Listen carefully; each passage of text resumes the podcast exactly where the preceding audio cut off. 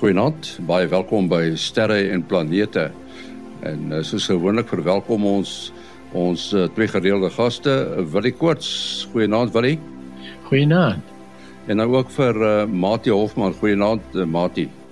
Nou, Danny, nou Willie. Ons uh, moet begin met die maansverduistering wat uh, in 'n sekere sin binnekort plaasvind. Willie, wil jy 'n bietjie daaroor praat? Miskien kan jy ook uh, iets byvoeg, Mati.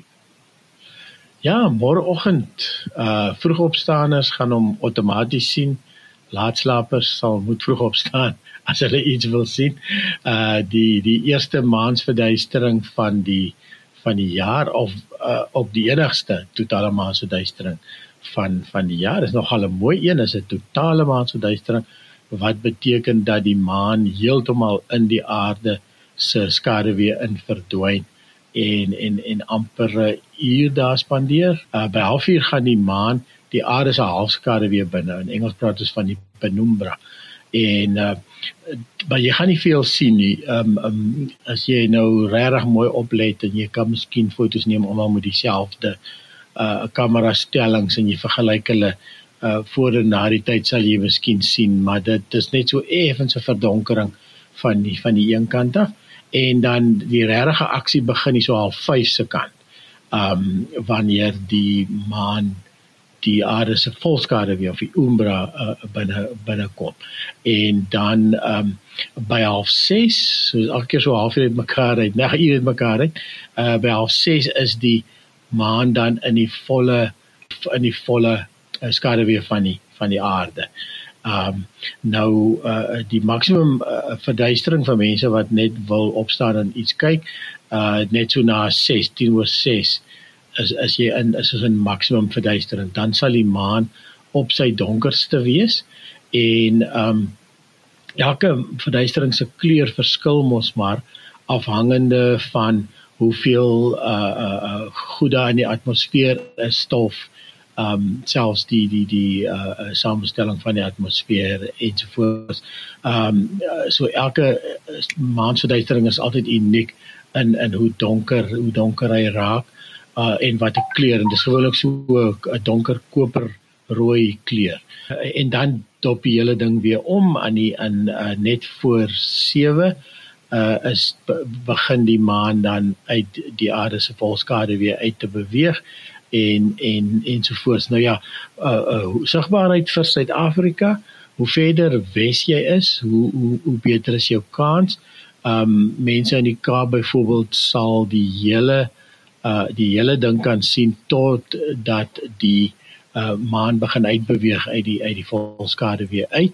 Um uh mense in Johannesburg uh um gaan wel die maksimum uh, verduistering sien, maar dan gaan die maan maar so 6 grade bo kan die horison sit.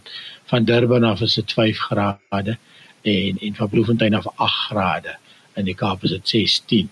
Ehm um, so dis dit gaan natuurlik nou baie mooi foto's kan maak want dan kan jy die maan op die horison afneem teen allerlei goedes op die aarde wat dit ehm um, altyd laat uh, indrukwekkend lyk en dis mos daai optiese illusie laat dit lyk asof goeders groter as die maan groter is wanneer hy wanneer hy dan so na aan die aan die horison sit. Ja, en mense gewonder dit is presies volmaan. Uh maansverduistering gebeur altyd op volmaan want dan is die drie mos in lyn, die son aan die een kant, die aarde in die middel en die maan aan die ander kant. So uh, ja, uh um, net om om weer te, te herhaal as jy so van half 6 af wil begin kyk as jy nie wil vroeg opstaan nie uh, uh half half 5 begin die aksie half 6 is die is die maan vol in die skade weer en dan en dan 10 oor 6 11 minute 29 om presies te wees na 6 is is dit maksimum verduistering. Ja, uh, Mati ons het uh, al heelwat gepraat oor die ding dat uh wat is die nut van ruimtereise en ruimtenavorsing? Nou het Gert Kloete van Hermanus dieselfde vraag gevra. Uh ja, Gert uh, is van Hermanus soos jy sê en uh, daar is nogal baie uh afgetrede. Ek sê nou nie Gert is afgetrede nie, maar ek weet daar's baie kundige afgetrede mense in Hermanus wat mekaar besig hou met met strydvrae en so aan. Mens kan nogal uh, baie interessante besoek aan Hermanus uh, neem en met mense gaan gesels oor al wat nou 'n bietjie tyd het om oor vrae te dink. Nou ek som net 'n stukkie aanhaal uit Gert se brief. Uh hy sê nou die dag is 'n berig dat 'n pakket van aardse kennis uitgesaai is gemik op 'n ster wat taamlik naby is. Uh dit is nou uh tussen 13 en 26 ligjare ver. So uh, in terme van die sterre is dit nou redelik naby, maar nou vra jy wat is die sin daarvan? Want indien daar enigsins iemand sou wees wat nou sou kon reageer op hierdie aardse kennis, dan sal dit uh dubbel daardie tyd, dubbel die tyd wat lig vat uh om een rigting te trek sal dit nou vat om nou weer 'n uh, 'n uh, reaksie te tot 'n reaksie kan lei terug op die aarde. En dan is die mense wat die inligting gestuur het waarskynlik nie meer daarom te reageer om kennis te neem daarvan. Hulle nageslag sou wel wees. Uh en dan vra hulle nou maar wat is nou die sin? Wat is nou die nut daarvan om sulke sulke dinge te doen? Uh nou in hierdie bepaalde geval sou ek nou my simpatie by Gert lê en sê dis nou nie iets wat ek nou my tyd aan sou spandeer nie.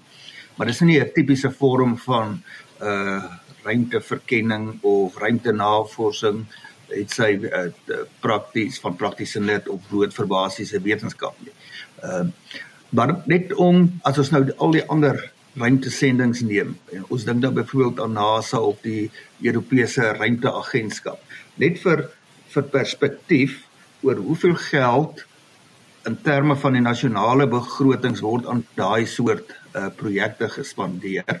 Nou kom ons begin met NASA.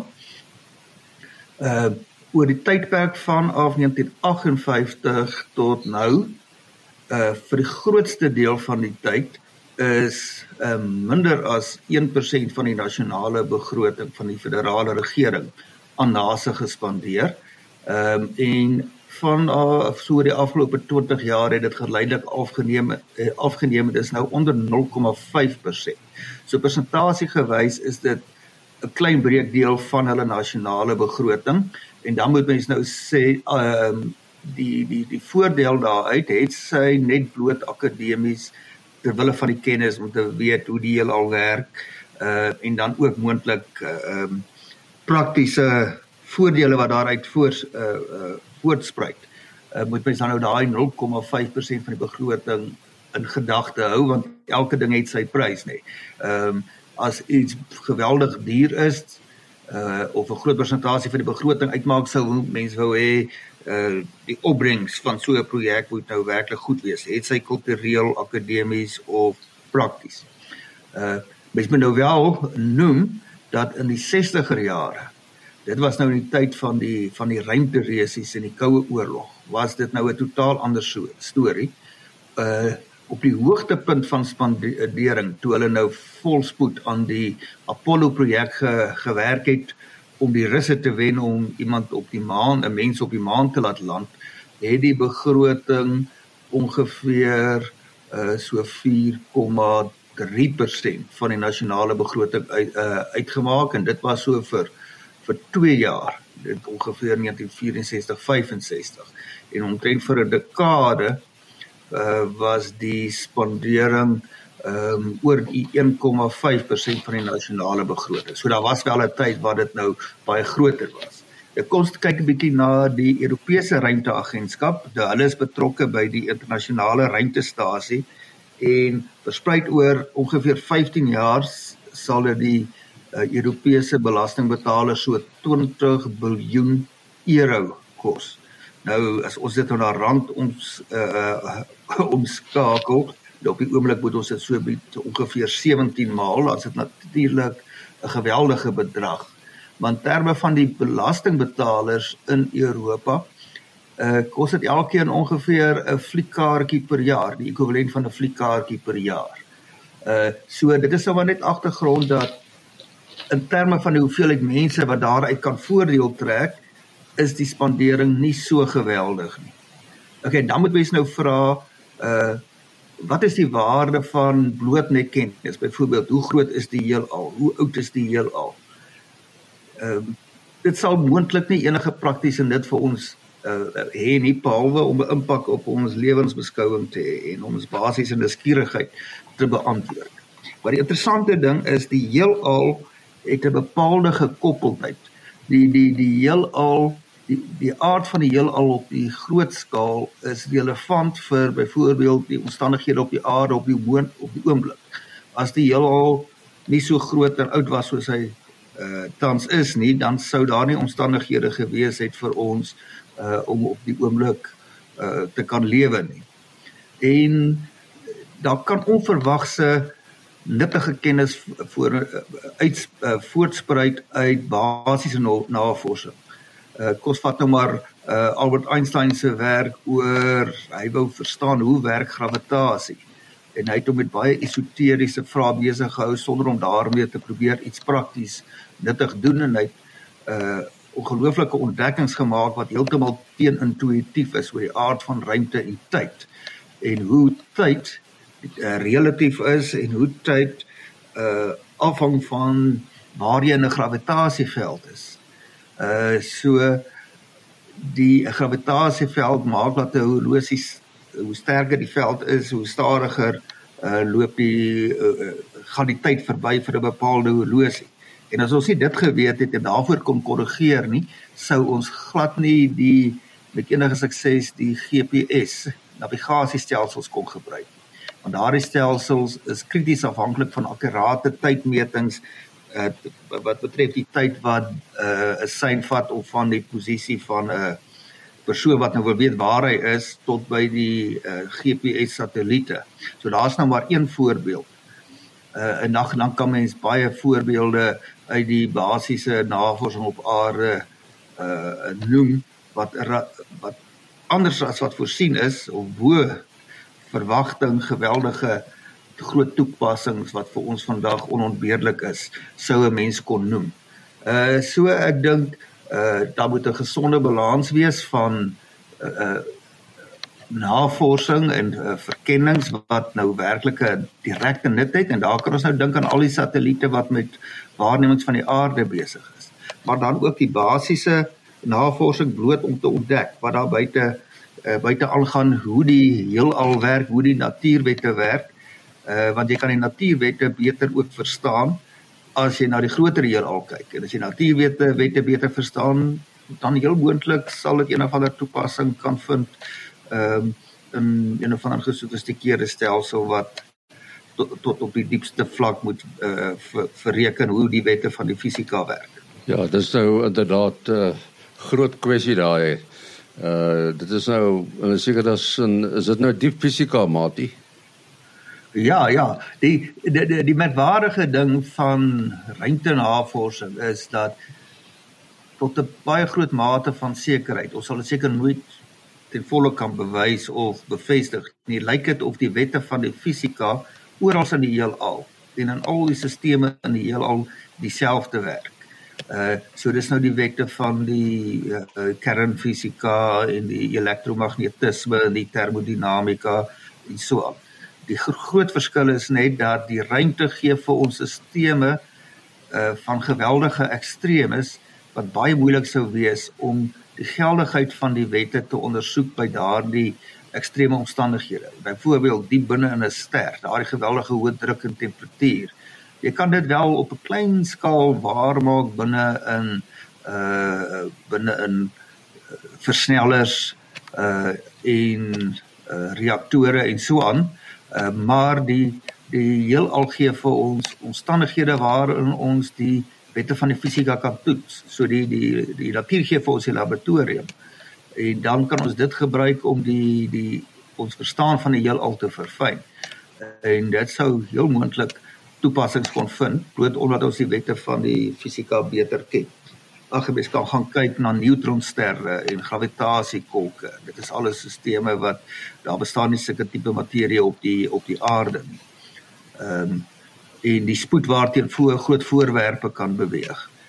Uh so kan mens maar uh 'n menigte voorbeelde noem of uh ultrahoë vakuum in die ruimte wat ons nie op die aarde uh eers kan skep met baie goeie tegnologie nie. Die die ruimte se uh, die enorme leë ruimte wat nog nie heeltemal heeltemal leeg is nie, is 'n geweldige groot vakuum beter as die beste vakuum wat ons op die aarde op 'n klein skaal sou kon sou kon skep.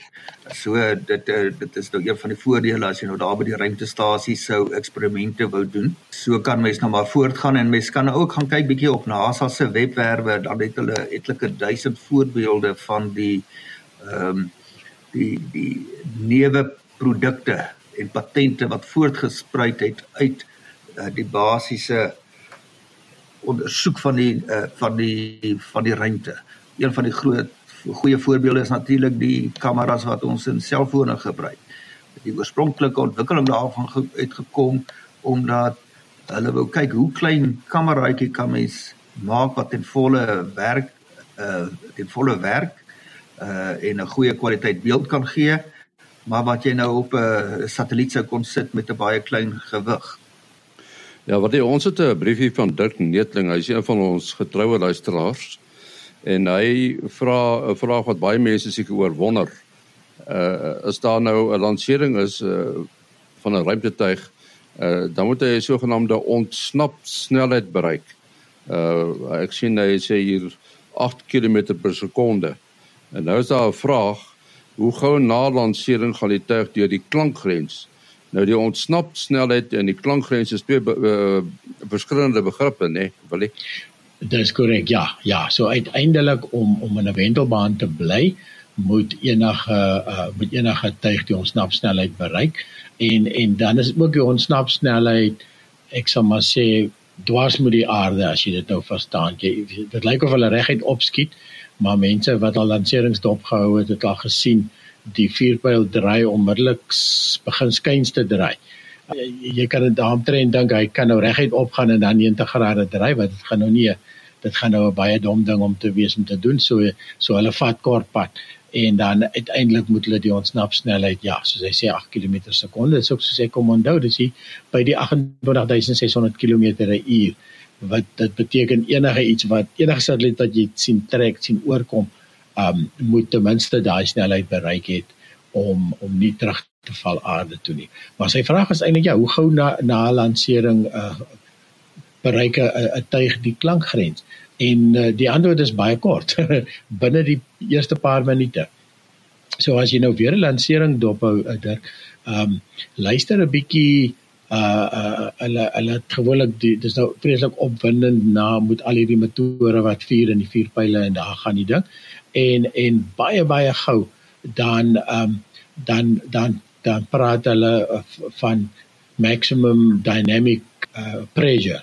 Uh, en dit is ook wanneer hulle met die ou pendeltuig en met baie van hierdie ek ek sien SpaceX ook hulle hulle hulle throttle back wat hulle sê hulle hulle maak 'n bietjie die petrol toe laat hulle terwyl hulle deur hierdie gedeelte gaan van die atmosfeer waar die atmosfeer nog baie dik is maar dit is dan ook wanneer hulle die klankgrens bereik en uh, en en deurgaan en en en hulle um, hulle hulle sal dit baie maal ook aankondig. Hulle sê die die tuie is is nou um nie subsonies nie ultrasonies nê nee, wanneer hulle uh, uh, ja nou sê ek 'n bietjie verkeerd van die presiese terminologie ek ek ek, ek is gewoonlik so mee gevoer met die lanserings ek vergeet presies maar dit is dit is dan daardie um max q is gewoonlik die um die die die term wat hulle gebruik wanneer hulle deur hierdie maksimum dynamic range wanneer die die drukking op die ruimtetuig gewoonlik die meeste is. So ja, so dit is so binne die binne die eerste 2-3 minute.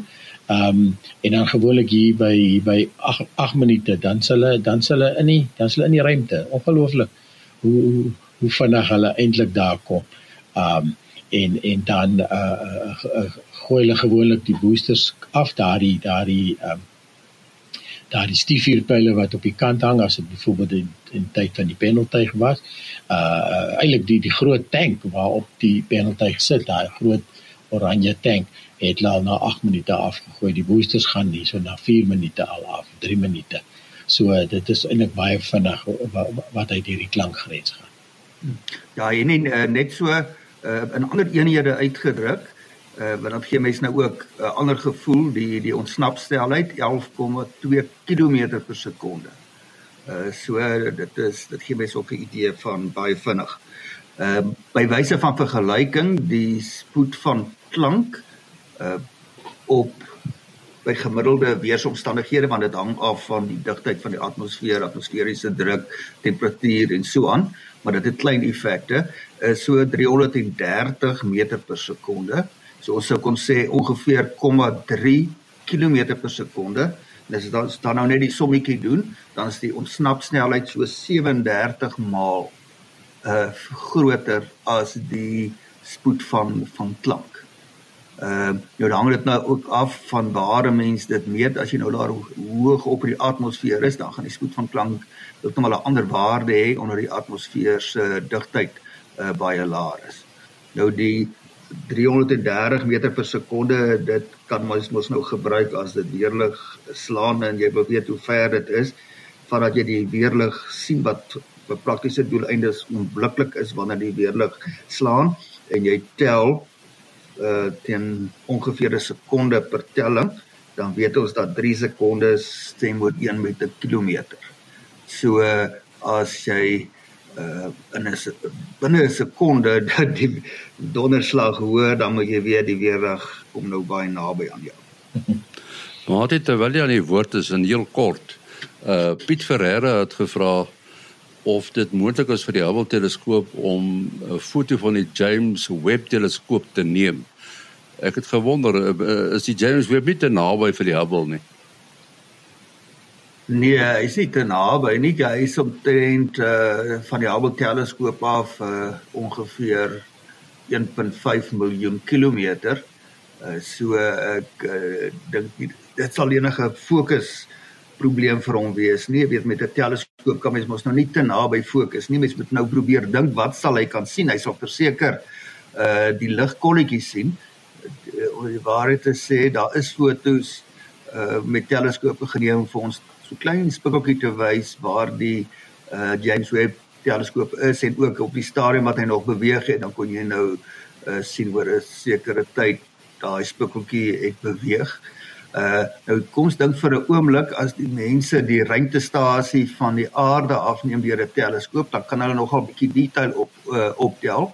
Uh wil het onlangs gepraat oor 'n foto wat mense die uh, twee ruimtemanne kon uh, kon sien ek weet nie of dit 'n ruimteman en 'n ruimtevrou was nie, maar in elk geval hulle kon nou die die ruimtewandeling kon hulle net net sien daar is mense buite die internasionale ruimtestasie en dit is nou op 'n afstand van 'n uh, skrale ongeveer uh, 500 km afhangende of die ruimtestasie reg oor hulle of ver weg uh nader aan die horison oorgevlieg het. Maar nou praat ons van teenoor uh 'n uh, paar honderd kilometer praat ons van 1.5 miljoen kilometer.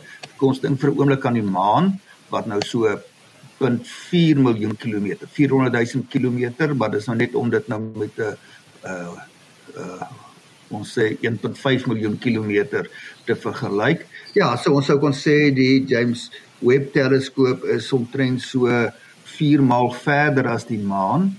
En as jy nou met uh, van die aarde af met 'n teleskoop kyk, dan sal jy miskien uh as dit 'n baie goeie teleskoop is en jy het aanpassings optika of so iets, sal jy miskien 'n rugby stadium uh op die maan kan raak sien. Nou die James Webb teleskoop is baie baie kleiner. Uh so wil ek weet nie of jy saamstem nie, maar ek ek dink uh hulle sal miskien met die Hubble teleskoop net net kan sien dit is nie net 'n ligpunt nie, uh, dit is een of ander voorwerp dan dink twyfel of hulle enige detail sal kan raak sien. Ja, nee, ek ek stem 100% saam want as jy nou sê daar het mense die uh uh James Webb afgeneem terwyl hy op pad was en en dit was net 'n sterretjie.